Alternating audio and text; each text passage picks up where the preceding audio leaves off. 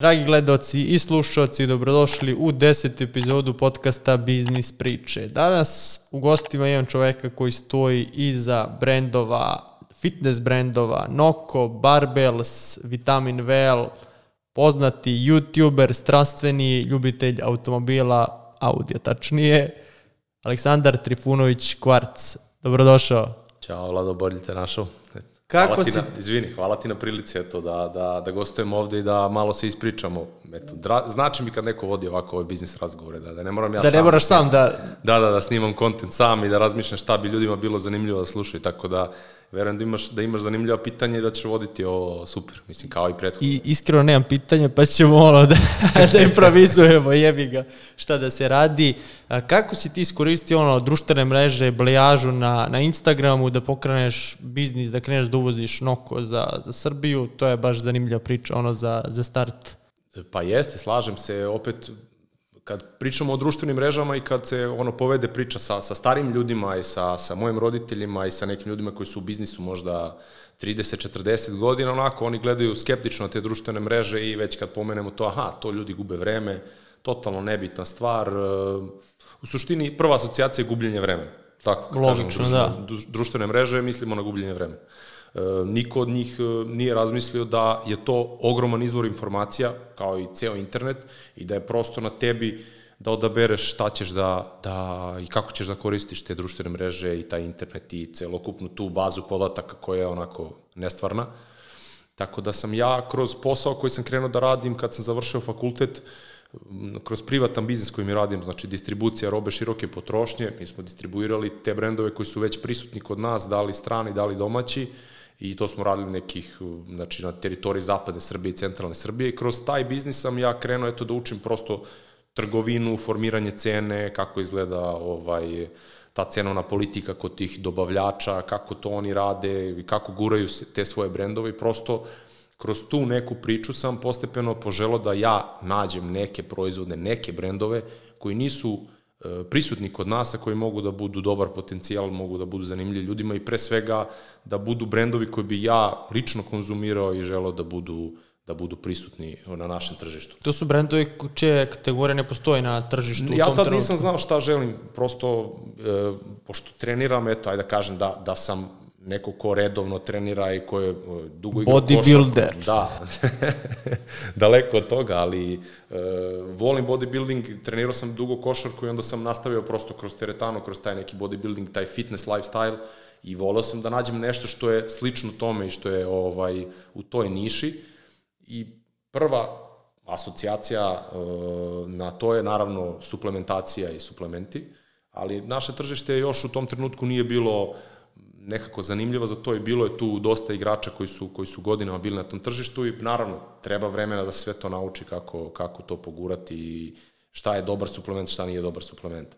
Tako da za Noko sam saznao sasvim slučajno, znači baš preko tih društvenih mreža i preko tog glupiranja, prosto jer sam se pratio s nekim ljudima koji kače fotografije automobila, to jest Audija i igrom slučaja oni su živeli u Švedskoj, pa sam zapratio njihove privatne profile i eto, u jednom trenutku ja vidim od prijatelja ovaj, da on ono, kače story Nokoa, vidim slika piše BCA u limenci, prvi put vidim da je BCA ono ready to use, znači već spreman za upotrebu, piše kofein, aha, meni se pali lampica, čekaj šta je ovo, zanimljivo mi izgleda, volao bi da probam. Dobra limenka, a? Da, lep dizajn, volao bi da probam, nikad nisam vidio uopšte tako nešto, pogotovo neko od nas. I ja mu pišem, čekaj, šta je to, objasni mi.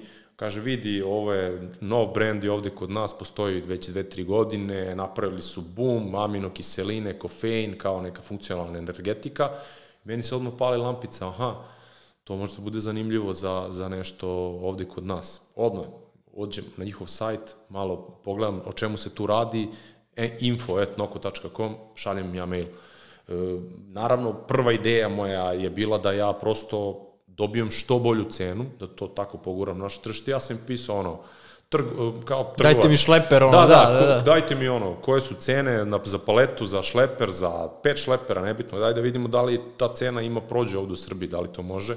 I oni su me onda polako ušli smo u priču kao čekaj, stani, ne ide to Kao tako. ne idemo na šleper, Ne a? radimo mi to tako, prosto mora da vidimo ko ste vi, kako je to firma, da li ima potencijal da gura ovo, da li prvo ti razumeš ovaj brend i kako treba da se to sve plasira i onda smo ušli u prepisku koja je trajala sigurno 3-4 meseca gde smo, eto, ja njima objasnio kako mi funkcionišemo, kakva je moja ideja sa tim brendom, kako bi ga ja pogurao, gde bi prvo krenuli, da li ja shvatam šta je taj brend i, i ovaj, kako sve to treba da izgleda, pa su mi onda oni objasnili, ok, vidimo da razumeš, dobar deo toga, e, evo, ovo, ovo je naš plan i ovako mi to radimo. Tako smo radili u Švedskoj, tako smo radili na ostalim tržištima, tako. Oni znači imaju formulu neko za, za taj marketing, ono što, što prolazi, da tebe poduče da možeš i ti to da primeniš. Da, ono. imali su oni gotovo spremno i uputstva i za distributera i za ambasadore i sve, znači te neke smernice šta sme, šta ne sme, šta možeš da radiš, koje fotografije stavljaš, kako sve to ide, ali to je već neki, neki ovaj sledeći korak. Prvi korak je bio prosto ta strategija za, za, za prodaju, ono što, što sam ti pričao, gde treba da krene, koji je to proizvod, znači to je totalno nov proizvod na našem tržištu, totalno nova kategorija. Nije funkcionalna, nije energetski napitak, znači ne možeš da ga krstiš tako, nije ni... Znači nije Red Bull, nije ono Guarana, da, a već... nije ni klasična suplementacija, znači Znači neki miks, nešto što nije u tom trenutku postojalo na, na tržištu. Ono. nije, da, da, daleko Znači, od toga. ti ljudi da, treba da prvo da se edukuju, da znaju šta je to. Baš tako. I ti baš dolaziš tako. ono da im bude jasno nešto. Zašto košta to toliko, ovaj, zašto se razlikuje, i po čemu se razlikuje od Red Bulla, od Guarane, od Ultre, od Monstera, koji su manje više svi istog sastava i I nemaju veze sa ovom kategorijom. Ne, ne, ne, ne. To je totalno nova kategorija gde su je oni krstili i mislim da je najbolje naziv za to funkcionalni napitak, to jest funkcionalni energetski napitak. Ono isto što razlikuje Noko od toga što oni imaju uh, ukuse koji nemaju kofeina, znači imaju samo aminokiseline, to jest veću dozu aminokiselina, tako da postoji opcija i za ljude koji piju kofein, konzumiraju kofein i za ove koji to ne žele prosto ili piju dosta kafe ili unose kofein kroz neki drugi izvor pa im ovaj prija bez kofeina i onda ima opcija i za jedne i za druge. Tako da e, mislim da je taj naziv funkcionalni napitak bio idealan i ono s čim sam se ja susreo kad sam krenuo da uvozim Kao to šta je to? Da, prosto su mi ovde, e, naš zakon ne poznaje to, znači može da bude energetika i ima određena doza kofeina koja je dozvoljena, maksimalna, sve preko toga mora da se registruje kao dijetetski proizvod, kao dodatak ishrani.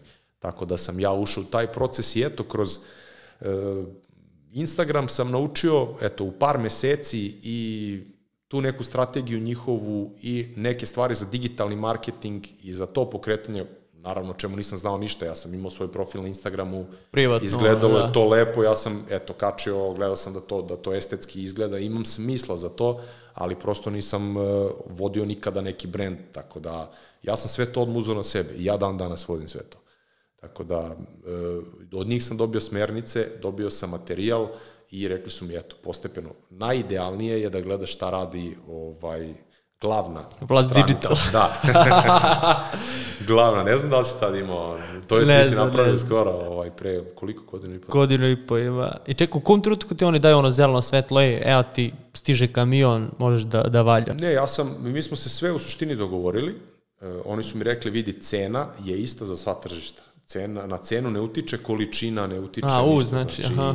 svi imaju istu cenu, da li je Srbija, da li je Engleska, da li je Švedska, da li Si mi rekao, mi smo ovde sirotinje, dajte Bez cenu. obzira, oni ne žele da se pravi razlika u cenu. Znači, mi moramo da im, imamo sličnu cenu kao i Slovenija, kao i Nemačka, kao i ta cena može da oscilira u e, 0,2, 0,3 ovaj, eurocenta, ali ne nešto drastično, jer prosto ne žele da prave te probleme i da se radi taj neki reeksport i Da idemo u Mađarsku da kupujemo pa da, da uvodimo. Baš tako, tako. Ja sam im objasnio, vidi su oni rekli, objasnio sam im da kupovna moć ovde nije ista, oni su rekli, ok, koliko, koliko ima, ima, nećemo mi tebe siliti sa planovima, sa nekim, forsirati sa prodajem i tako dalje, ali je bitno da taj brend zadrži tu cenu i da bude, eto, e, slična cena svuda. Jesi bio ti skeptičan u tom trenutku kako prodati proizvod koji Naravno toliko da jesam, košta naravno po da toj jesam. ceni? Kad, prosto i kad sam pričao i, i kada sam svom ocu, eto, čisto prezentovao, vidi, ovo, ovo ću krenuti da radim, to je to, to i to,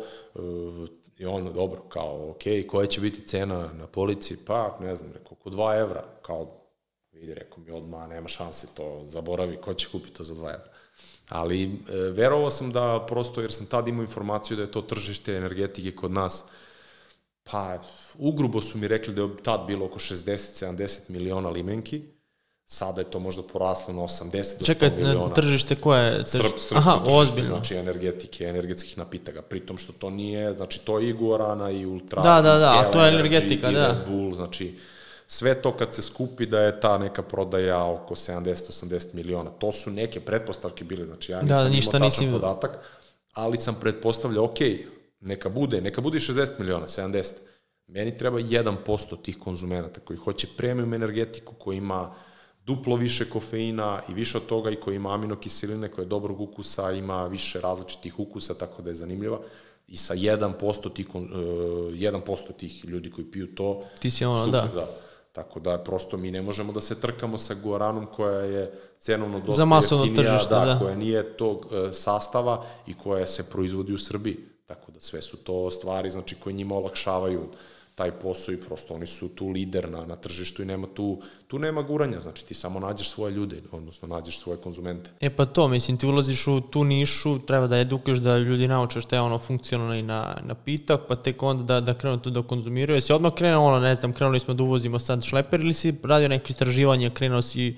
Nisam, dobra stvar kod Nokoa je što je rok trajanja ovaj, godinu i po dana, tako da sam mogao da uvezem, kad je krenulo, to bio je pola šlepera količina i onda, naravno, to je trajalo, pa sam onda saznao da to mora da se registruje kao dijetetika, pa je išao taj proces i onda je sve to par meseci trajalo, trajao taj, taj proces i imao sam problem u startu jer kad uh, sam saznao da je to dijetetika i kada sam pisao šveđanima šta mi sve treba od dokumentacije da bi ja to registrovao kod nas kao dijetetski proizvod, oni su mi odmah sledeći mail odgovorili ne možeš dobiš to i to. Ozbiljno? Da, ja, Šta da radimo, ono, da, Da, po, u tom trenutku, ono. znaš kako, to su te oscilacije gde ti kao, ajde, verovatno svaki preduzetnik ili ovaj, neko ko se bavi privatnim biznisom je imao te situacije kad ono u jednom trenutku ti deluje kao neizlazna da. situacija, kao jebote, sve sam lepo isplanirao i ništa od toga. Šta sad, ono, da, da pijemo, ono, narednih godinu i po dana. Da, i onda, pa dobro, onda prenoći to, sutra ujutru se probiš, dobro, čekaj, ajde sad ćemo Aj da, ponovo. ajde opet da zovemo, opet da vidimo šta i kako, pa, e, eto, igrom slučaja, za njih je radio e, i radi još e, Deni, Deni je poreklom iz Bosne, on se ocelio tamo u Švedsku još kao, verovatno za vreme rata, još kao ovaj, dečak, tako da radi, radi za njih, zna srpski jezik, poznaje ovde prilike, zna kako funkcionišu stvari, zna šta treba. Tako I da zna mi on kako se pomogao- sređuje, da. Ne kako se sređuje, prosto ti mora da ispoštuješ te korake, ali sam objasnio, vidi, znači, to mora tako, ne možemo drugačije, prosto, ako mislite da radimo u Srbiji, on je rekao, dobro, čekaj, pričat ću s njima, pa ćemo videti sad dalje. I naravno, ispeglali smo, posle toga oni su mi rekli, vidi, ok, daćemo ti te papire, ali mora potpišeš poseban ugovor o znači, poverljivosti tih podataka, da nećeš dalje nikom to davati, da niko to neće videti i naravno sve smo to završili. Kaže, evo ga taj papir ovde. Ne, ja sam im objasnio, oni se plaše prosto da se ne deli dalje ko su njima dobavljači Jasno, za te jasno, sirovine, koja je cena. Ja sam im objasnio da je to totalno nebitno za e, ljude koji registruju to, znači da sve to mogu da sakriju, znači da je bitna samo informacija o tom samom sastavu, jer ti za svaku za svaku sirovinu, to je za svaki e, sastojak u tom napitku mora da daš e, taj certificate of analysis, prosto sertifikat da se vidi čistoća, procenat i tako dalje, znači da bi oni mogli da to sve naprave mišljenje, e, farmaceutski fakultet prvo daje mišljenje o tom proizvodu i daje predlog deklaracije, sad tim ideš na e, institut za javno zdravlje koji radi analizu tog proizvoda i onda sa tom analizom, s tim mišljenjem i sa još gomilom nekih drugih papira, ideš u ministarstvo zdravlja, sve to predaš i... I to samo zato što je kategorija, znači da je energetika ne bi bilo tih Da, problema. da, da, da, do energetika ništa najnormalnije radiš uvoz i to sve, ovaj, ovo se vodi kao dijetetski proizvod i malo, je, znači i kao i oni vitamini, kao i suplementi, Da, da, da. kao sve to, malo je drugačije i malo ovaj, e, veće su kontrole, što je i normalno. I kad kreće prva prodaja, znači uvezio si pola šlepera, kako si prodao to, tu prvu turu? Prva tura je, znači, postepeno išla, znači, kroz teretane. Eto, guralo se u teretane Zašto ne odmah ono, da, da kažem sad uđemo neki lanac, ono, to, lepo si to objasnio malo pre. O, ne u lanac, zato što ne u retail, oni su mi rekli ovako, to je funkcionalni napitak, nova kategorija napitaka, ne postoji ništa takvo, nije postojalo ni u Švedskoj, kad smo mi krenuli, ne postoji ni u Srbiji. U retailu, znači još manje. Znači nema ga na policama, ništa slično. Ono. Tvoj start treba da bude od core konzumenata, od ljudi koji znaju šta je BCA, šta je kofein, zašto je dobar, zašto je dobro što taj napitak nema šećera. Mora da kreneš od tih ljudi. A gde su ti ljudi? Ti ljudi su u teretanama, znači oni koji treniraju, bave se ozbiljno sportom, treniraju redovno, Ozbiljne hrane kilaže, se zdravo, da, nebitno, ali hrane se zdravo, poznaju suplementaciju, ti njima ne moraš da objašnjavaš šta je BCA. Da oni čim to vide na limenci, pali im se lampica i hoće da probaju. Znači, bitno je samo, mi smo verovali u taj proizvod, ja sam znao da je super sastav i da je odličan ukus, bilo je bitno samo da probaju. I ono što sam ja u tom trenutku uradio, e, rekao sam, ok, odričam se zarade u tom trenutku, ajde gledamo, budemo na nuli. I onda sam sa tim teretanama s kojima sam krenuo saradnju, rekao, evo, imate 3 plus 1, znači kupite tri paketa, imate četvrti paket gratis, ne morate da platite odmah, platit ćete tu prvu poručbinu kad prodate, I to je to, tako ćemo da krenemo. Znači, da li ćete vi taj gratis paket da stavite u prodaju ili će da podele ljudima u teretani da to malo ispromovišu ili i naravno ono što je najbitnije degustacije. Znači, u svim tim objektima smo odmah organizovali degustacije gde dođe promoterka da ljudima da probaju proizvod, da objasni malo o čemu se radi I tako to, To je ta edukacija tržišta i... Da, prosto to tako mora krene, mora da se izedukuju ti ljudi, moraš da ih nateraš da probaju to. E onda kad probaju jednom, dva puta, tri puta... Nav, navukli se. Da, svidi im se proizvod, verovali smo da, da će da bude dobro, onda sam imao odličan feedback odmah od starta, što mi je bilo jako drago i to je bio znači, neki mart, april, maj 2018. godine.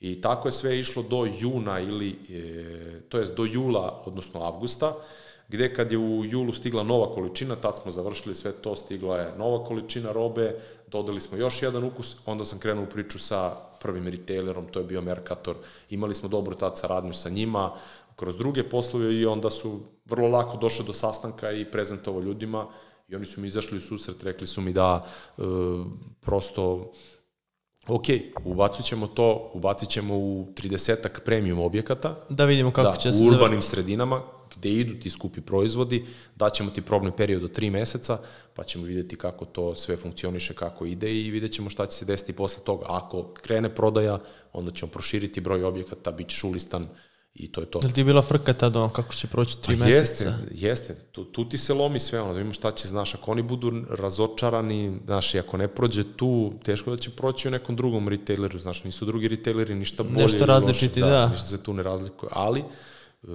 odradili smo to dobro kroz digitalni marketing, E, to. pogurali smo ljudima, objasnili smo im gde ima, e, boostovali smo prodaju na tim mestima gde, gde je ovaj, dostupno i tim teretanama, znači ako i oni vežbaju sad ovde na Vračaru, znaju da imaju ovde u, u ideji na Vračaru taj napitak po toj ceni, a već su ga probali u teretani, on kad uđe već... znači, On već zna gde se nalazi. Verovatno će ulaziti u, u, u tu radnju ako ide u teretanu u, u kraju, tako? Uđeš zbog nečeg drugog. I ako vidiš to na polici, aha, čekaj, to je ono što sam probao u, u džimu, daj da probam, da, da evo, jeftinije je, kupit ću dva, Da li dva, tri porastao komada. biceps, solo, da vidimo odmah. Kupit ću dva, tri komada da ponesem kući da imam, da pijem, tako da, eto, tako se postepeno, postepeno krenulo i e, to onda ide polako, od usta do usta ljudi prenose, e, vidi, probao sam ovo, super je, ima dosta kofeina, nema šećera, ovaj ga pita, čekaj, pa što, je, što mi se to razlikuje od guarane, na Pa primjer, to da, od Red Bulla. zašto košta toliko, da, kupim Da, gorano kaže, za koliko, pa da, da. ali guarana ima šećera, ima 80 mg kofeina, ovo ima 180 mg kofeina. Ti ako popiješ guaranu pred trening, tebi će insulin odmah da skoči i doći će do pada u toku treninga i onda ćeš ti imati u jednom trenutku Daj da prilegnemo, ne, u jednom trenutku ćeš imati nagli pad tog insulina i pad energije i fokusa i svega.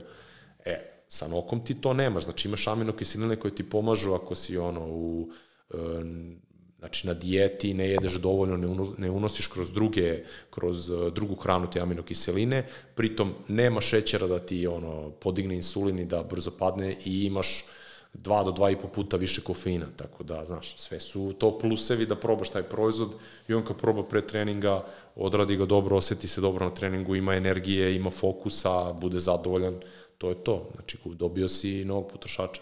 I najduže tri meseca prošla, šta kažu iz Mercatora?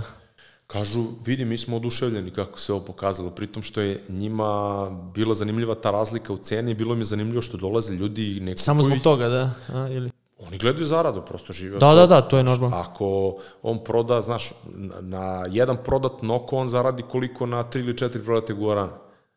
Razumeš, zato što je Gorana košta Da, da, da. 60 dinara, ovo košta 230, tako da to možda u količini nije bilo toliko, ali kad on pogleda vrednostno, to se izdiglo već iz nekih brendova koji su tu bili od te energetike i njima su odmah pali lampice, ovo ima potencijal.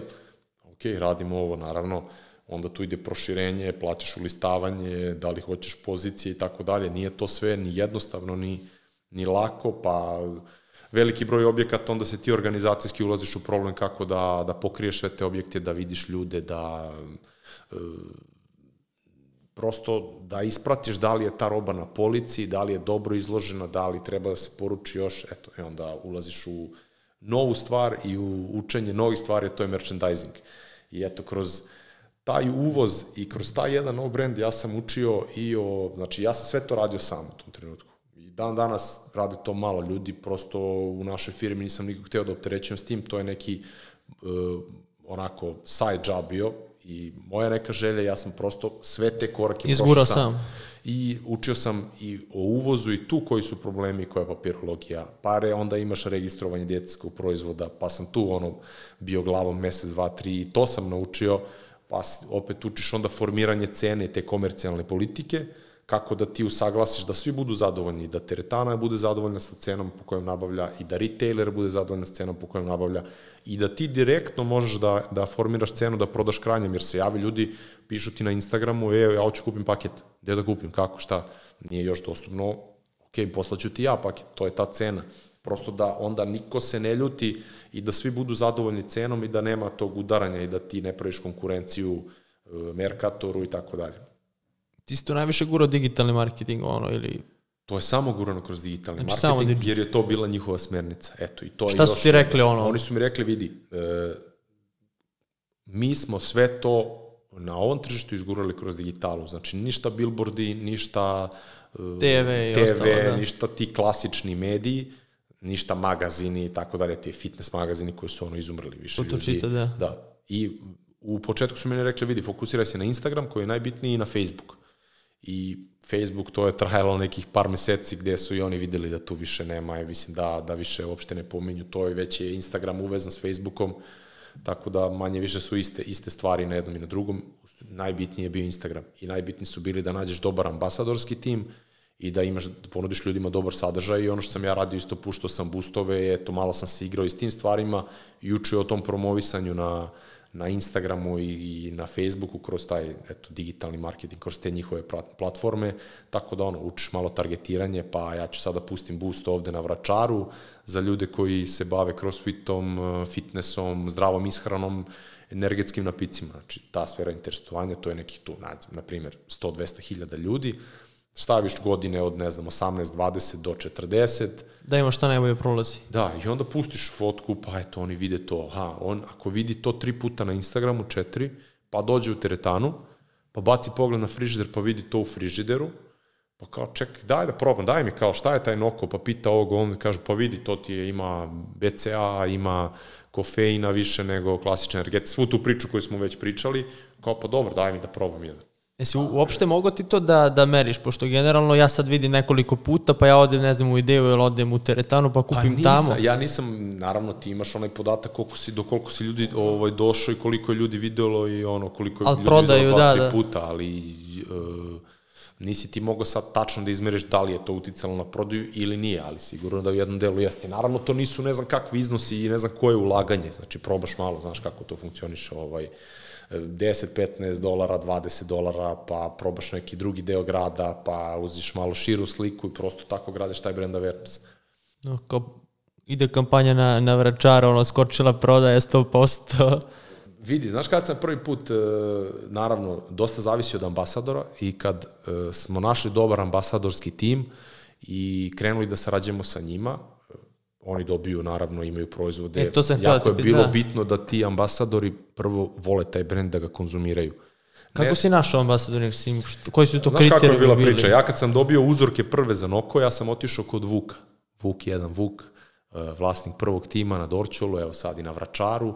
Ja sam njega znao, znači upoznali smo se pred možda 7-8 godina od toga, znači na Vračaru, on je igrao košarku tad, ja sam trenirao u Pro Gymu, isto igrao košarku, tu smo se upoznali prvi put i eto, od tad to stoji, nismo se videli 7-8 godina. Kad je sve to krenulo, oni su mi rekli, vidi, mi se fokusiramo, šveđani su rekli, core konzumenti su crossfitteri i jako ono, kakav je crossfit u Srbiji, da, da, da. ajde, okreni od njih, znaš, jer oni njima treba dosta kofina, treba im dosta energije, onako, iscrpljujući je sport. Meni se odmah pali lampica, aha, znam Vuka, on drži prvi tim, jedan je od najboljih tu u Srbiji što se tiče crossfita i tog funkcionalnog fitnessa, ja idem odmah kod njega. Ja sam odno uzorke rekao, brate, vidi, ovo krećem, volio bi da bude dostupno kod tebe, volio bi da budeš ambasador, da krenemo, jel si za ili nisi za. Eto, on je bio odmah otvoren za to, rekao, ok, super, hoću, radimo zajedno. I eto, od toga je krenulo i naravno... Znači on je bio prvi ambasador? On je bio prvi ambasador i sad je brand manager, tako da od toga je krenulo i onda mi on pomogao sa smernicama. Onda ti uđeš tu u neku e, totalno novu zajednicu kreneš da upoznaš. Crossfiteri. Crossfita, fitnessa, e, bodybuildinga. Eto, ja sam bio, onako, znao sam bodybuilding, ali taj deo crossfita, tog funkcionalnog fitnessa nisam znao ni ko su ti ljudi na Instagramu, ni ko su tu kvalitetni sportisti, ni ko zna, ko ne zna, koji su to crossfit boksovi u Beogradu i u Srbiji i prosto sam dobio od njega to, to znanje i Ušao tu zajednicu. Da, ušao tu zajednicu ovaj, i upoznao sve te ljudi, naravno sve, sve njih sad poznajem i radimo i sarađujemo i on mi je rekao, vidi, o, on ili ona je dobar za brand ambasadora, o, on nije, onda gledaš da li su aktivni na Instagramu, da li nisu, kakav sadržaj postavljaju, znači ne možemo mi da uzmemo nekog Starletu nazovimo tako, starletu, nebitno, beauty vlogerku ili kako god, ako ju prati milion ljudi, bez obzira i da, i da hoće da, i da hoće da mi je prije, najbolja drugarica i da hoće da mi izađe u susret i da to reklamira za džabe, postove stavi za džabe, bez obzira da nas ne košta ništa, a meni ništa ne znači, jer to nisu core konzumenti, ne dobijamo ništa. Tako da ja nisam išao uh, tim putem, nego sam možda jurio i mikroinfluencere u tom trenutku. E, to. Koji su... Imali kažem, potencijal, a? Imali potencijal, i, jer naravno ja nisam imao nov, novca da tad platim neko ko ima milion subscribera na YouTube-u ili milion followera na Instagramu, oni da bude ambasador, ne ono da, jedno da. objava, nego da... Ne, ne, oni, e, Noko ne sarađuje sa ljudima tako, ad hoc, da, na da, jednu da. objavu i pa kao šalješ influencerima, pa kao sad je ovaj objavio, pa ćemo sad sledećeg, pa ćemo tamo nekog Već ozbiljna saradnja. Nego saradnja koja traje dugoročno, gde se ti sjedini s tim timom, ti kad vidiš onda tu osobu ti znaš, aha, on je Noko ambasador, to je to bude prepoznatljiv i tu se ne menja na mesec, dva, tri, znači prosto traje ta saradnja duže, onda ti je jako bitno da nađeš prave ljude, da. da, i, i koji će tebi pomoći da kreiraš sadržaj za glavnu stranicu Noko Srbija i koji će postavljati dobar sadržaj na njihovim profilima. Tako da, naravno, i ako ti ljudi bave se fitnessom, treniraju, ali ako njihov Instagram nije fokusiran na to, nama tu ništa ne znači, opet nije to to, nemaju taj sadržaj da bi bili Noko ambasadori. I onda traje, onda učiš, vidiš ko kako izgleda, kakav mu je profil e, i kreneš od tih manj, manjih ambasadora i ljudi koji su, da kažem, influenceri, bar u tom svom crossfit boksu i u tom tvoj, toj zajednici i tim ljudima kojima su oni treneri. Znaš, oni njima prvo mora prenesu. Da li su oni fitness? Znači, Vuk... Uh, on je autoritet u oblasti. Autoritet u Da, ali on je prvo autoritet tu, među svojim trenerima, pa među ljudima koji vežbaju u njegovom boksu i to je, znači, neka zajednica od 250-300 ljudi, ili tako, možda 500, 1000 Dobro, ali da, ti... koji su prošli, znači, on, oni srž, se, ono, oni se ugledaju grupa. na njega, znači, hoće da budu jaki kao on, brzi kao on, da, razumeš, da izgledaju kao Jasne. on, da se hrane, gledaju se njega. Ako oni vidu u njegovoj ruci noko, gde on ne mora da taj noko gurne ovako ljudima u, u, na postu, ono, u, u lice i da kao, je, mora piješ ovo, ovo je najbolje. Ne, nego ako vide da, oni to, da on to stvarno konzumira Privatno. onako e, iskreno i da stvarno voli taj brend, vremenom će oni to probati, pa će neko nastaviti da konzumira, neko neće, nekom će da se svidi, nekom ne. Tako da to, ja verujem u taj organski, organski marketing i taj postepeni rast. I iskreno. Rast. Morate prekinem. E, čuo sam neke priče, onda sam slušao tako neke marketing stručnjake i neke firme gde su se oni ukleli u taj nastup e, koji ono na boom, kao kad se pojavi novi brend ti mora da uložiš odmah brdo para, odmah da napraviš ono, show da napraviš, znaš, da, da svi to vide odmah, da se pojavi na TV-u i na Instagramu, odmah platiš najskup, znaš. Da, da, da. Pa kao ili upali ili ne upali. I šta je onda? Tu sam strategiju da, ja da. čuva, razumeš, i gledao kako tako neki pro, propadaju zbog te strategije, Ja sam rekao, ok, neću to da radim. Prvo, Noko nije moj brend, Znači, ja sam samo distributer, ja danas mogu, da, ja sam danas distributer, sutra možda neću biti, je tako? Oni mogu da kažu posle dve godine mi nismo zadovoljni s tobom kao distributerom, sad ćemo da srađujemo s nekim drugim. Prosto zašto bih ja ulagao toliki novac, naravno ako oni nisu spremni, da guram taj brand, a da nisam siguran da li ću ga ja gurati za 10-15 godina i raditi distribuciju. A drugo, čekaj da vidimo, da krenemo postepeno, da vidimo šta prolazi, šta ne prolazi i gde se treba fokusirati, a ne rasipati se novcem ono, u nedogled, kao jer ćemo dobiti baš to što sam ti rekao. On ima milion ljudi, ga vidi, ej, čekaj, milion ljudi, on to kad pokaže, to će odmah svi da kupe, kao mi smo... Znaš, to je to gotovo stvar, u stvari nije tako. Ja, pitaš kao, jesi pokrenuo neki brend, ono, kad savjetuješ to, kao, pa nisam pokrenuo, ali nije, mislim, to je strategija koju mogu da priušte, ono, ogromni brendovi nije koji, isto, da. Da, nije isto, ni, vidi, nisam ni ja pokrenuo još uvek ni jedan brend. Znaš, drugo je ovo gde sam ja pokrenuo brendove koji već postoje, imao smernice, brend je filozofija brenda, dizajn, eh, sve te stvari i sadržaje, već bilo gotovo meni i servirano, servirano jer samo sam trebao da Samo sam trebao da kopiram ono dobro što oni rade na, na drugim profilima i na drugim tržištima. Iz filozofije. Znači, ja, ja, ja sam onaj koji zagovara to da treba kopirati ljudi koji rade dobre stvari. Ne treba kopirati do kraja, ali ako ja vidim da ti radiš nešto dobro, da tvoj profil izgleda dobro, da privlači lajkove... I tebo. Da, uzeo sam te za primjer. da, da privlači ovaj, dobre stvari, da ima efekta, pa ja ću napravim nešto slično. Ne isto kao ti, Daj da vidimo šta radi. ali slična da. filozofija, pa ću ja dodati onda u jednom trenutku uh, ono, moju notu i malo odvući to na neku stranu. Tako? Ne Tako znam da li je. se slažem. Ne, to, to jeste pristup, ono, ako vidiš da neka reklama funkcioniše, dobar prodajni tekst, ajmo da upakujemo to, da eksperimentišemo, da vidimo kako će nama to raditi, zbog Da, čega. pogotovo i u Srbiji gde nemaš, nisi toliko, ima dosta ponuda, ima gomila stvari, ali opet nisi izbombardovan sa svim. Znaš, ti kad odeš uh, na zapad, imaš milion i jednu opciju i mogućnost i, i milion i jednu ideju i tvoje samo eto da budeš kreativan, da vidiš šta ti je zanimljivo, šta se uklapa u tvoj fazon i šta može da prođe ovde. Mi nismo isti kao ljudi u Nemačkoj, kao ljudi u Engleskoj i ne prolaze iste stvari, znaš, tako da ljudi se varaju da će proći ovde nešto, ako je prošlo u Nemačkoj ili Engleskoj, da će i ovde bez, bez problema proći. Možda i hoće, ali, Za ne 10 godina, ali da. ne za 3 meseca. To, to je problem tržišta. Nekad, nekad su ljudi ovde krenuli neke stvari koje u tom trenutku nije bilo pravo vreme za neke stvari.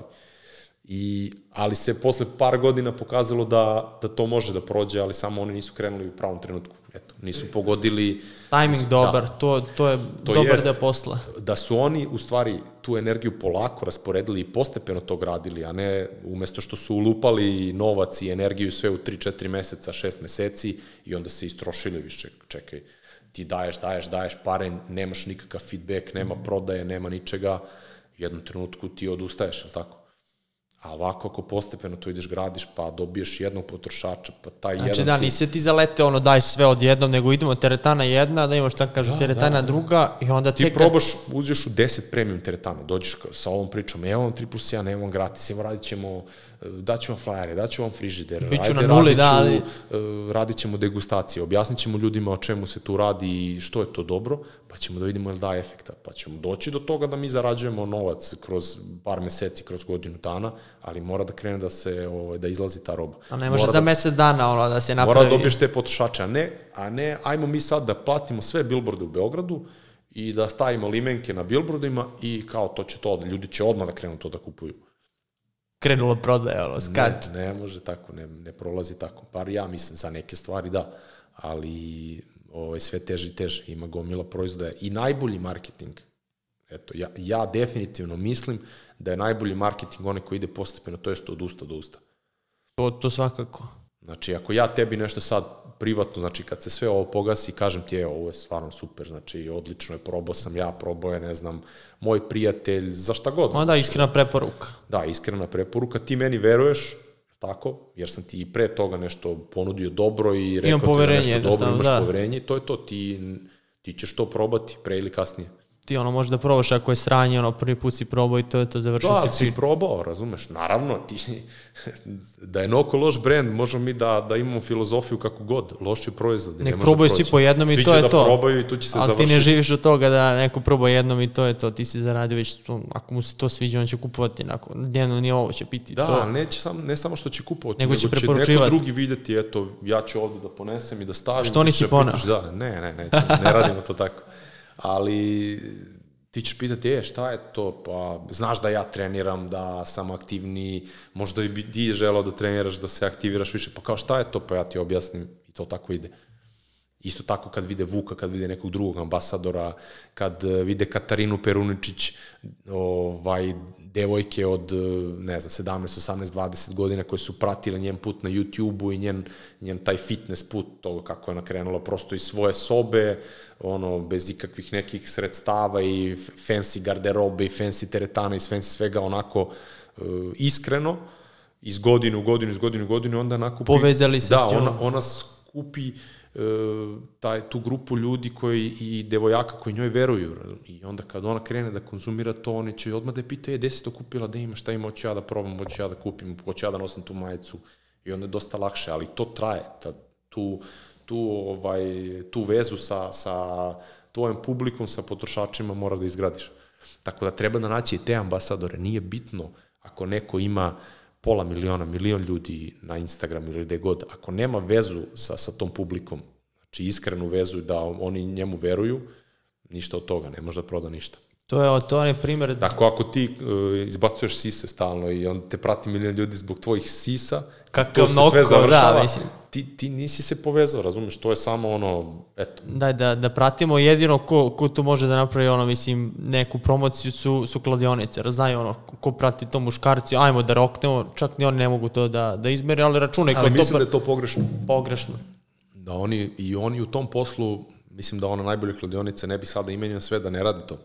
Ne, rad, ne rade to, ali kažem, oni, Ne, ne, da, da ne uzimaju te, A, ajde to, kažem, da. starlete. Ne znam da li si primetio. primetio sam ono da, da kažem ljudi, neko im je ono rekao kao, ej, ovo, prate muškarci, to je to vaša ciljna grupa, ajmo, samo idemo. gurni tiket među- među grudi i to je da, I šta onda misliš, šta, šta ti imaš od toga da neko je tu video, šta je to, mislim, vidiš prvi put i to je to, završio si priču. A mislim da treba dati neki sportski sadržaj, neki edukativni sadržaj, neke emisije, pa se intervjua sa sportistima, pa dovesti neke nove, pa praviti takve neke akcije. To, to je već neki, to je već neki kvalitet, ono, ne, daj odmah da se rokne, to je milion pratilaca, to mora da uspe, znaš, kao, pa vidjet će, to mora neko da, da kupi, ono, to je ta logika, ali kažem, ti veliki igrači mogu da imaju lufta i da, da te Stvari izgube te pravog, pare. koji, onog pravog kladioničara koji visi tamo, to totalno ne zanima. Da, da, da, ono, onaj ko, ko roka tikete ceo dan i, i udara grčki, grčki kino. Kad kažeš ono iskrenost, to je onaj primer gdje, ne znam, influencer reklamiraju telefone, ono, ne znam, određene marke i ono samo vidiš neka prirodno izvuče za neka fotka, a oni To koriste se vidi, iPhone. ja sam to vidio milion puta, meni to, to mi nije okej. Okay. Vidi, sada se javi, ne znam, neki drugi brend, ja privatno koristim iPhone, ja ne znam da li iPhone nikoga plaća, kod nas znam da ne, Ne, ne, plaća a- niko a- iPhone ne plaća, ali kažem, pošalje možda sve što se završi na to da pošalju gratis Unboxing, proizvod da. i to ovim najboljim youtuberima i, i ovaj, influencerima u svetu. Znači, to je jako mala investicija i oni nemaju potrebu da rade, zato što znaju da imaju dobar proizvod, to je sve. I ono što ti pričao, znači, neko reklamira drugi neki brend, a ti vidiš po ono... koristi iPhone. Da, da koristi iPhone ili edituje na Macbooku, a Da, da, priča da. ono bajke o, o drugim brendovima, tako da to onda nije iskreno, ljudi to vide, znaš. I onda, ok, ja razumem i te influencere, došao mi je neko, rekao mi, evo, da imaš 4-5 hiljada evra mesečno. Evo, Ma ovo. da, jer ok, da. Ali, znaš šta je tu problem? Što ljudi koji se bave marketingom u tim firmama, uh, ajde, znaju ili ne znaju svoj posao, ali uh, svi ti menadžeri uh, u tim firmama gledaju kratkoročno. Njih, za, njih zanima uh, njegova plata na kraju meseca, zanima ga bonus na kraju godine.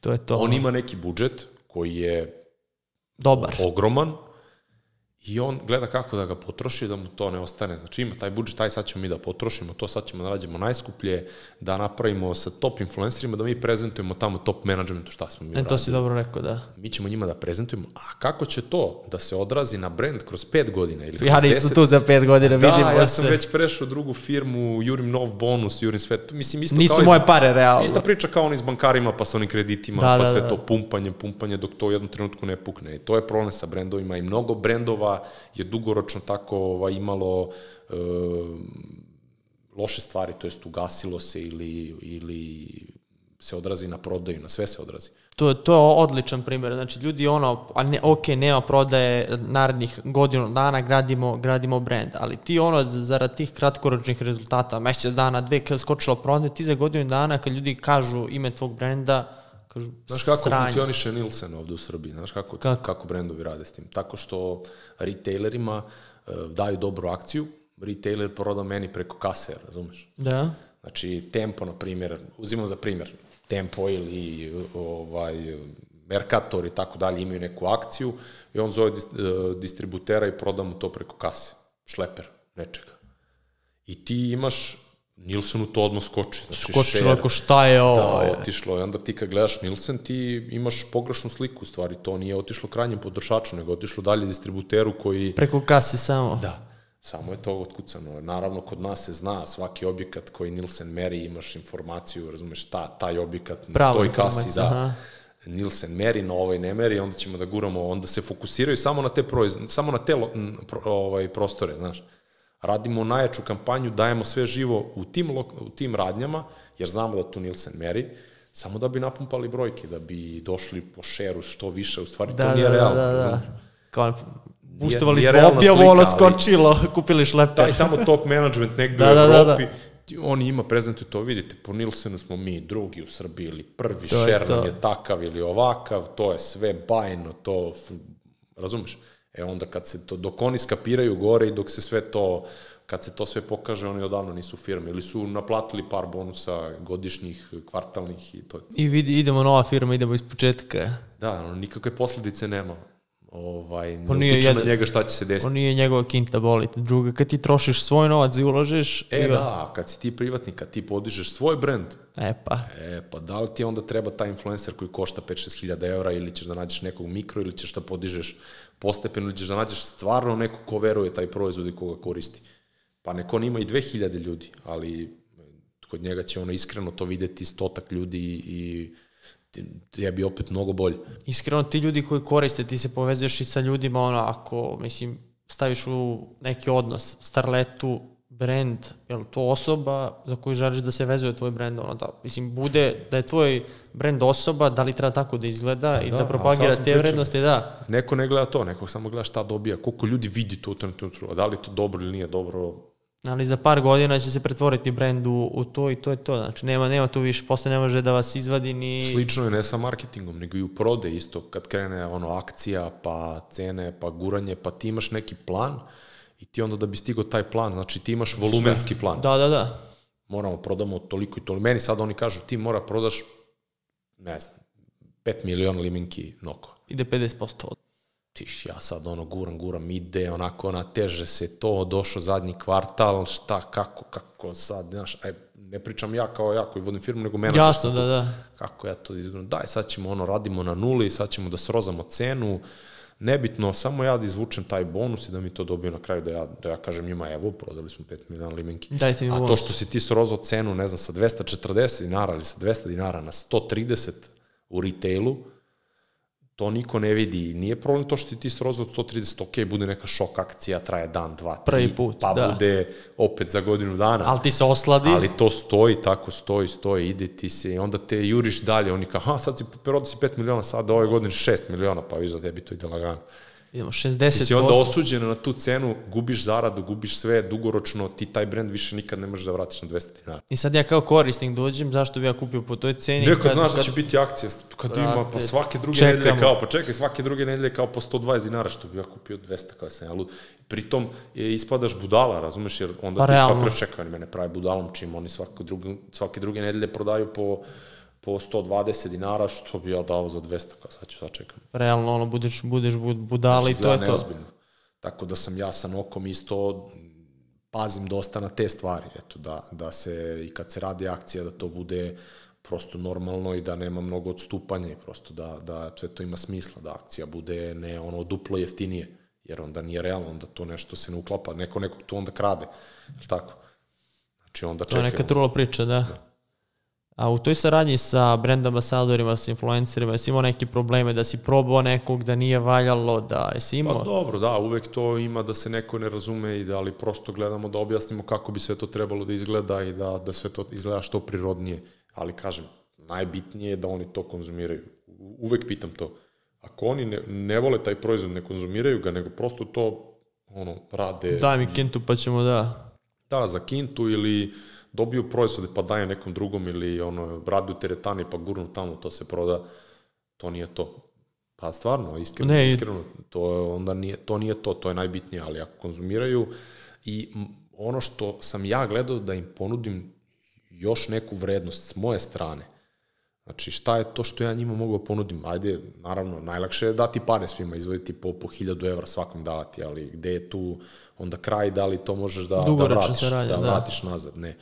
Znači, ako koriste proizvode, daj im proizvode, imamo premium garderobu koju niko drugi nema. Znači, ti kao ambasador dobiješ garderobu koju niko drugi ne može da kupi, ne može da ima i tebe odmah to podiže u ovaj, izdvajate od, od mase tih uh, influencera, trenera, ovih onih, tako da ulaziš u neki ekskluzivni tim.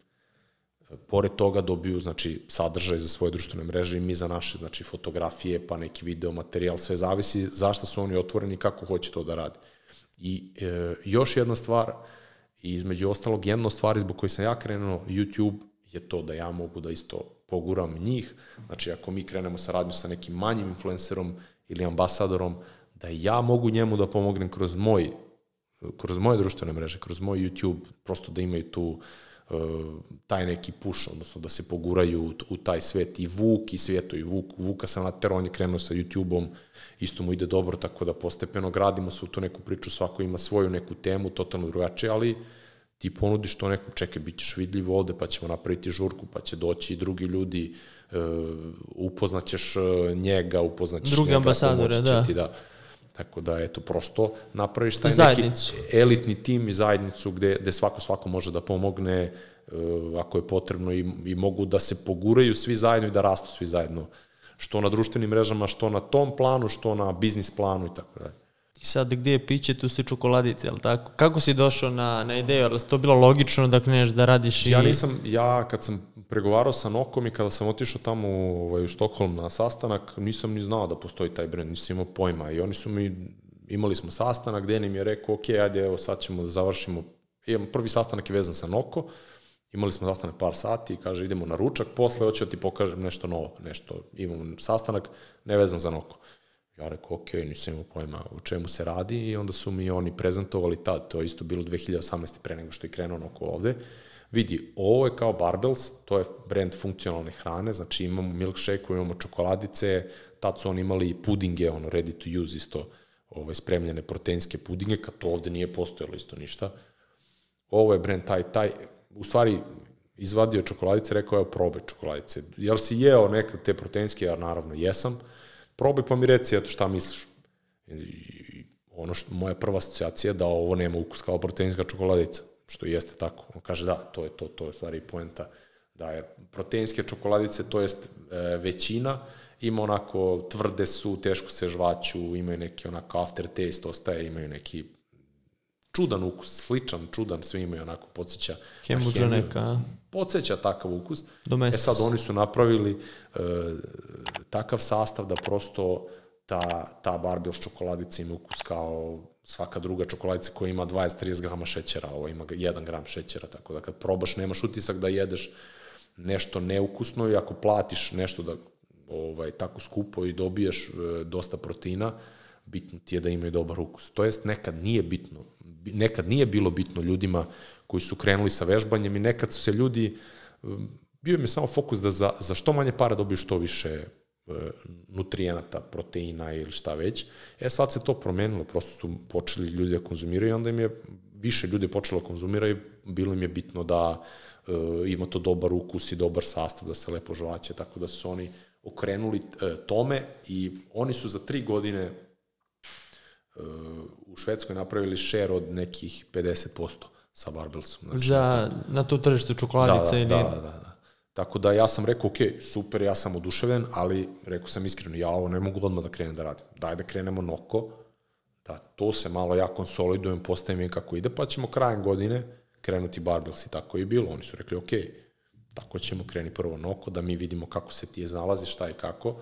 E onda smo krenuli Barbels, tu su bile čok, prvo samo čokoladice, pa smo kasnije dodali milkshake-ove, I onda se, eto, otvara e, prostor za treći brend Vitamin Well, koji je već postoje u Srbiji, ali niko nije znao za njega. To je radio Atlantik, ovde u, u Srbiji. Atlantik radi to i u Hrvatskoj, u Sloveniji, tamo stvarno Vitamin Well uh, je razbijao sa prodojem, ovde nije išlo nikako i prosto oni su hteli to da prebace s Atlantika na, na moju firmu, tako da ja sam pristao na to, meni je svakako to išlo u prilog da objedinimo to sve zajedno, oni imaju jednog distributera, jednog ovaj, partnera ovde u Srbiji, to je to, to je, eto, sad radim ta tri brenda i postepeno gledam da otvorim još neke nove brendove, da pokrenem neku svoju priču, ali evo sad, posle par godina, gde sam naučio te stvari i, i edukovao se i o postavljanju brendova i o eto, samom, samom kreiranju tih brendova i proizvoda. Čekaj, si krenuo to da radiš kao zasebne brendove, skroz drugi marketing, skroz drugi ambasadori ili si to nekako objedinio sa Nokom i ljudima s kojima Barbels, si radio? da, sve zavisi, Vitamin Well ne, sve, sve je to druga filozofija, ne možemo da uzmemo iste ljude, znači totalno se oni fokusiraju na druge stvari, na, na drugu, drugačiju filozofiju i za Barbels, i za Noko i za, i za Vitamin Well, tako da zavisi od profila, zavisi od, uh, opet Barbels je nešto što je opšte poznato, proteinska čokoladica. To je već tržište, da. šta da objašnjavaš, proteinska čokoladica. Znaš proteinska šta je. čokoladica, samo je bitno da probaju ljudi. Tako da su tu bitne te degustacije i onda naći uh, neki profil koji onako više okrenut ženama i tom nekom fitnessu, yoga, light varijanta. Znači, pa više nisu ovi crossfitteri, da, ono, da, heavy, da. Pa već... za vitamin vel, da li je onako maratonci, pa biciklisti, pa neki planinari, pa razumeš? Da, jasno, jasno. Razumeš, tako da drugačiji lifestyle i prosto onda obuhvatiti sve to zajedno. Ja ne mogu ja da nađem ambasador i mu kažem, on je super i kažem, evo ti svi ovi, da, svi, svi ti brendi, što oni su rekli kao, e, jesi ti je rekao to za buvljak? Šta za buvljak da, influencere, da. Buvljak influenceri, tako da ne ide to.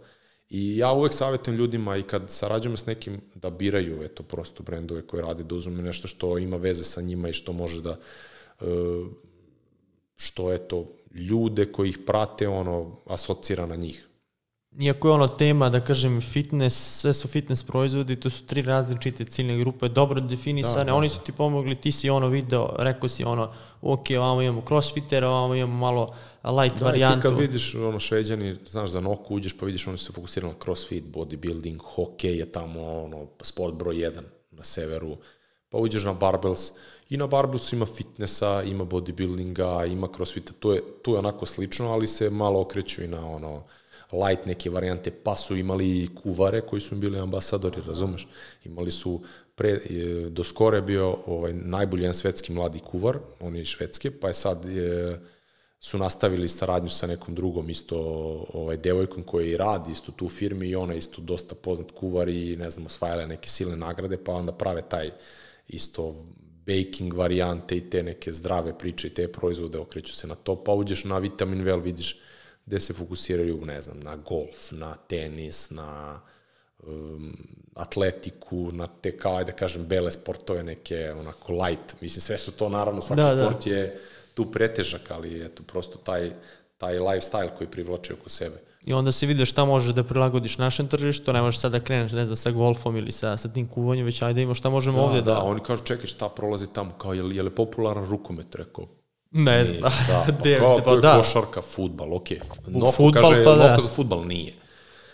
Zašto Jebi futbal je da, više da. Vitamin Well. Njima je ambasador za Vitamin Well tri godine bio Ibrahimović.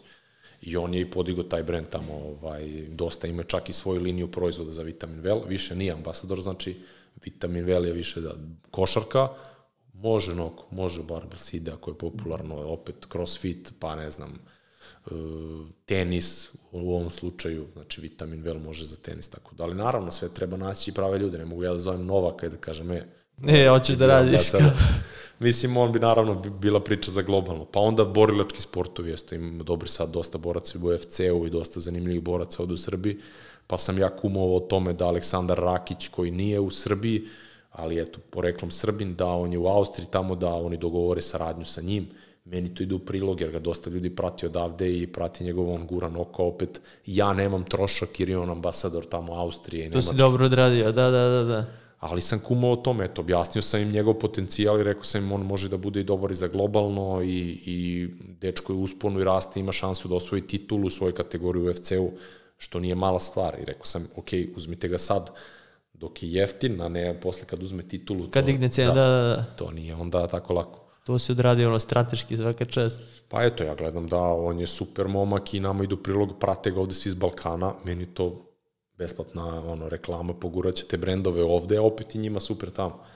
Tako da on... Daj, nađi još takvih, ono, da, da, daj još, nađi još takvih šansi. Da li si sarađivao sa Aleksandrom Trifunovićem Kvarcom, youtuber? Pa da, trudim se, da. Otkud ta priča, ono, YouTube?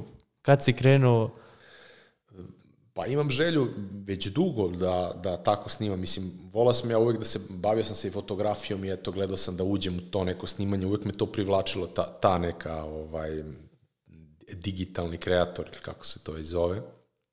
I godinama sam pratio i vlogove, ono, daily vlogove, Casey Neistat i posle Jon Olson, taj neki lifestyle, pa kako on to poveže, svoj biznis, svoju priču, automobile, porodicu i sve to, putovanja, i kako je on podigao i napravio neke sad svetski poznate brendove, tako da je, to mi je nekako bilo ovaj, zanimljivo, a opet ono što ti je najzanimljivije, ti je bi ostane ovaj, gomilo uspomena i zanimljivih stvari na koje se ti vratiš. Jedna je slika, kad ti imaš album, slika, stoji ti ono, gomilu fotki u telefonu ili gde god na kompu, a drugo je kad ti imaš neki živ materijal ili neko putovanje i onda sad kad se ja vratim na ove klipove koje smo snimali, ne znam, na Kosmetu ili gde smo išli ili kad smo ja ime išli u Švedsku pa nas nisu pustili pa smo spavali na aerodromu.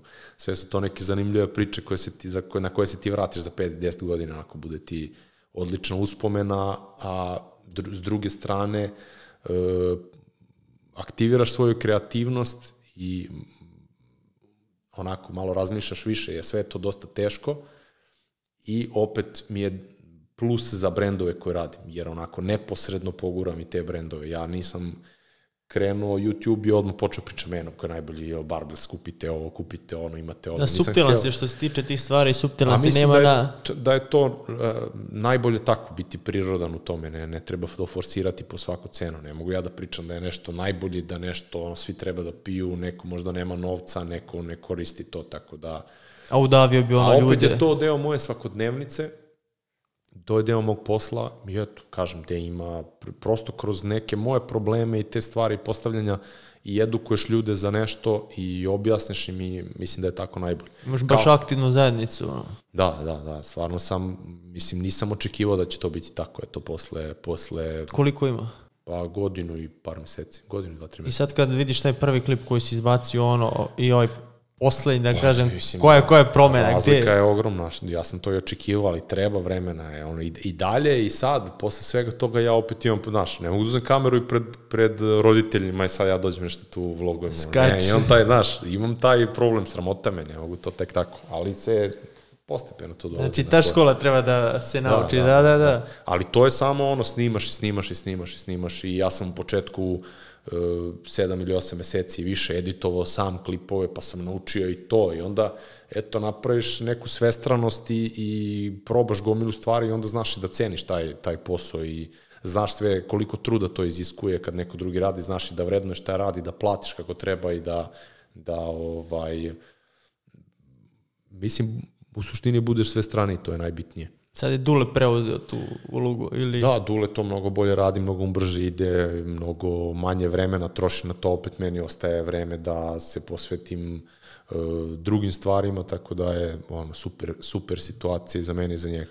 Znači te stvari koje možete outsourcujete, ali tako?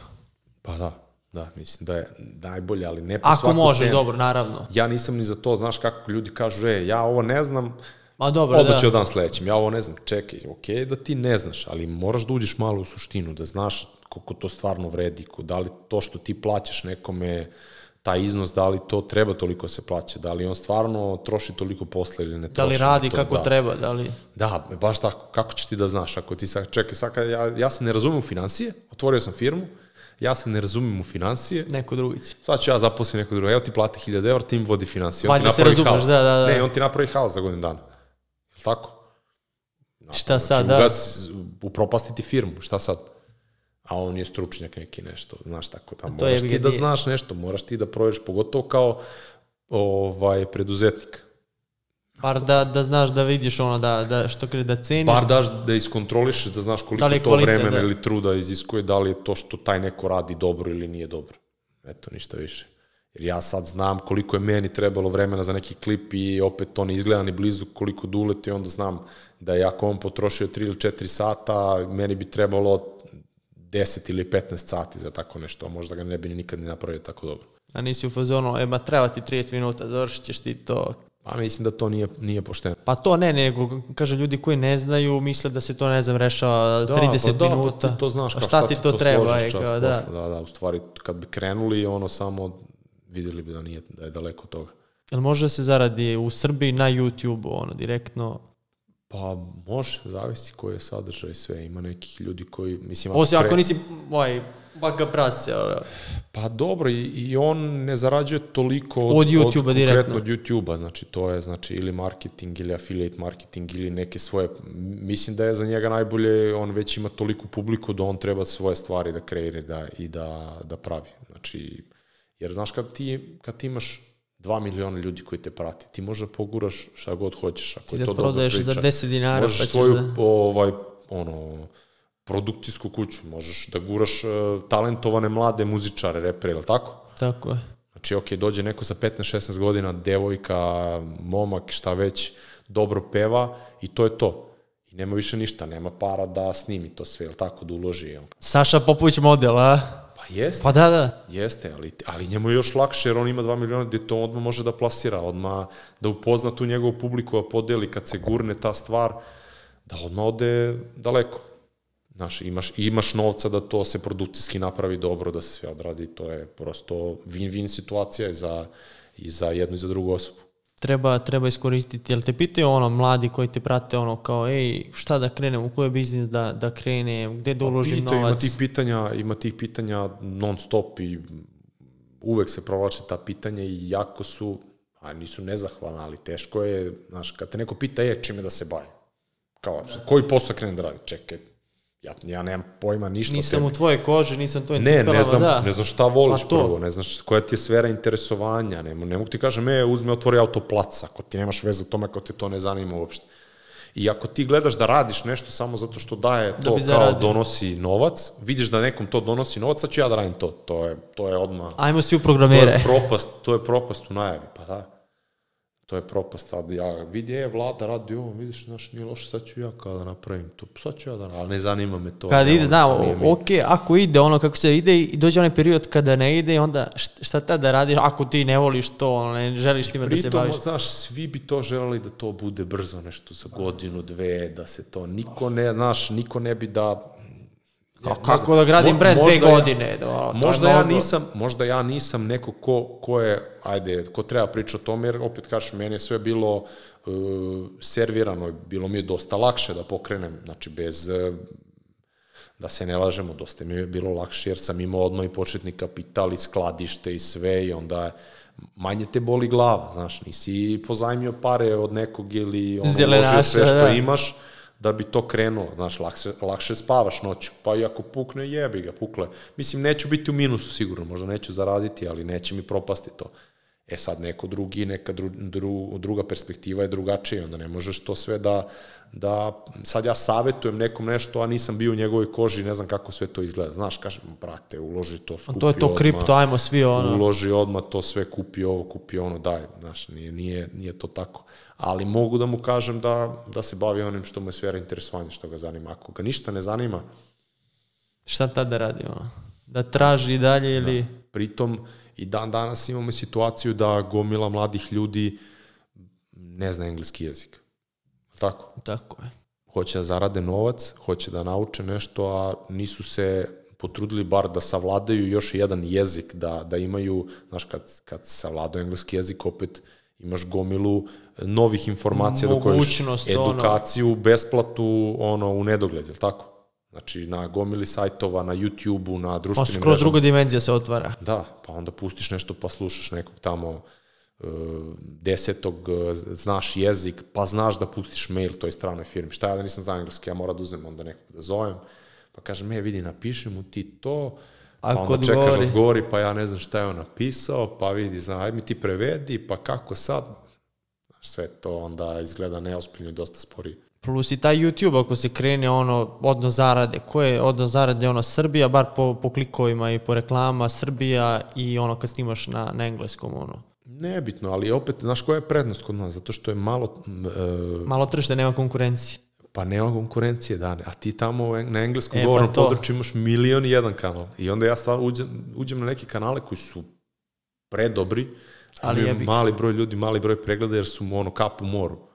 A ovde, znaš, ako kreneš to ozbiljnije, ako istraješ i ako guraš, vrlo se brže probiješ i dođeš Kako do novih... Ne? Znaš, samo malo ponudiš nešto bolje i nešto drugačije nego od onoga što ima, jer nije, nije prezasićeno. Nije prezasićeno i mnogo brže može da se... Da to ljudi ne kapiraju, oni mi sad, ma kao, pa de, pa vidiš, nema to pojma da se proguraš, vidiš sad snima ovaj, snima onaj, pa čekaj, nisi Evo je smešno, da, oko od nas, kako, što se tiče tržišta generalno u svim kategorijama, ono, ako poredimo konkurenciju na, na zapadu, bilo gde, ono, svetsku konkurenciju, ovde možeš da, da uplivaš i da napraviš ono rezultat, ne, ono, da, da se biješ tamo, evo, poredimo samo cenu klika u Americi i ovde, ono, ti tamo treba se biješ ljudima koji imaju, ono, milione, milijarde, ovde, ok, manje tržište, ali ćeš mnogo brže i lakše da, da napraviš. Primjer ti je za digitalni marketing, evo Kraljevo, ja živim u Kraljevu, i gledam, na primjer, to tržište brze hrane, tih restorana. Znači, oni ne poznaju digitalni marketing dalje. Znači, ti imaš, pogotovo kad, kad došla ona korona, pa ne pa znam, karantin, pa... Dosta i to. Pa samo da puca ono da ti izlaze dobre slike burgera, ne znam, uh, hrane neki ne treba samo... ti to neki budžet, da, da, da, bukvalno malo radius i to je to, lepo da. fotografija, par dobrih fotografija, je li tako? Znači, pristojan profil na Instagramu. Ništa specijalno, da. Da, i treba ti 10-15 dolara sa, ti se u Kraljevu sa 10-15 dolara dnevno. Uf, to je, to je, da, da, grad, iskače ti si, non stop. Ti si završi, to je već ona, vrate, te gasi I onda vrate, ponudiš da. kvalitet i sve, ali ne, kod nas ljudi otvore brzu hranu i on će da bude gazda odmah, nema pojma o tome, ne zanima ga to, ali zna da se zarađuje dobro i onda krene dobar kvalitet, pa onda krene da štedi, pa onda loši sastav, pa loši sastav, pa sve to da bi što brže ono zaradio novac, znaš, ne, ne gleda dugoročno to. I onda posle par godina sjebe kvalitet, sjebe sve, dođe neki nov koji ga ugasi. Ima mnogo takvih primjera gdje ono klopa, znaš, ono ekstra. Krenuli smo kao, pa šta je bilo da, skupo, kao, pa sjebali su ono kvalitet. Znaš, pa kao skupo mi ovo, skupo mi ono, ne mogu, znaš, kao moram ovo, pa da. E, ali ide zarada, ono, ide, ide, ide, i onda skontaš nekom godinu dana već, palo, šta se desilo, pa sjebao si brand, sjebao si kvalitet i, i to je ta priča, ono. Da, to se, na primjer, na tom tržištu brze hrane, tu se ne prašta. Ja ću poručiti jednom, bude loše, ok, ajde, kao desilo se, poručiš još jedan, bude loše, to je to. To je to, završili smo priču, ono, i to se baš, baš osjeti, ono, tako da, za kraj, ali imaš neku poruku za, za mlade ljude, ono, koji hoće pokrenu nešto, da se odvaže, da uđu u preduzetništvo, koji savjet im daješ? Ovo? Savjet je ovo, ovo što smo pričali, da mora da budu, da im, mora da imaju kontinuitet u svemu, znaš, pa da li je to trening, da li je posao, da li je ovaj, bilo šta drugo treba ti kontinuitet. Znači, ne može ništa preko noći. Ako hoćeš da smršaš, ne može preko noći. Ako hoćeš da dobiješ mišićnu masu, ne može preko noći. Znači, moraš kontinuitet i kroz taj kontinuitet ti se i edukuješ i naučiš nešto novo i onda uh, budeš, i tu se nikad ne završava. U, u svemu tome tu nema kraja. Znači, nema sad ću ja radim 10 godina i posle 10 godina to je to, idem na, na jahtu i, znaš, ako razmišljaš tako, mislim da nećeš, nećeš od toga, onda imaš neki pritisak, nećeš to nikad, nikad ostvariti. Brzo lovi, iako je primamljivo ono, kažeš da ne možeš da smršaš preko noći, ti dođeš i kažeš, e, imaš u pilulu, smršaš za par dana i svi, svi traži tu neku prečicu. Nema prečice, to je, to je sve lažno, mislim, ljudi to, ljudi to skapiraju pre ili kasnije i onda ih to dotuče još više i ovaj, ne može ovako, kao čekaj, stvarno moram da se, da se cimam da se cimam dosta. Tako da eto, savjet je da imaju kontinuitet i rekao sam da uče engleski jezik. Šta im kažeš za fakultet, on kad te pitaju da li ide na fakultet ili ne? I to je isto, postoje mnogo uspešnih ljudi koji, koji, da. nisu, koji nisu, nemaju dana fakulteta, jel tako? Ili su napustili fakultete, ili fakultet je super stvar, zavisi šta hoćeš da se baviš, ali upoznaš isto, stvoriš novu neku sferu ljudi, e, konekcija, e, širinu neku dobiješ, i to je super ako imaš vremena za to, ako želiš to, isto je super i da ne ideš na fakultet. Isto je super i da uporedu, znaš, mnogo ljudi krene na fakultet i onda to ono rešava nekako rešava, dobija šest sedmice, dešava se tu nešto gura postepeno i ostatak vremena je ono žurke, alkohol, e, zajebancija. Možda si mogu da kreneš neki privatni posao, pa da uporedu to ovaj, izguraš sve. A možda i ne moraš, sve je tvoj izbor, znaš, neko, neko hoće da proživi to, neće da ga boli glava i to je, i to pozdravljam.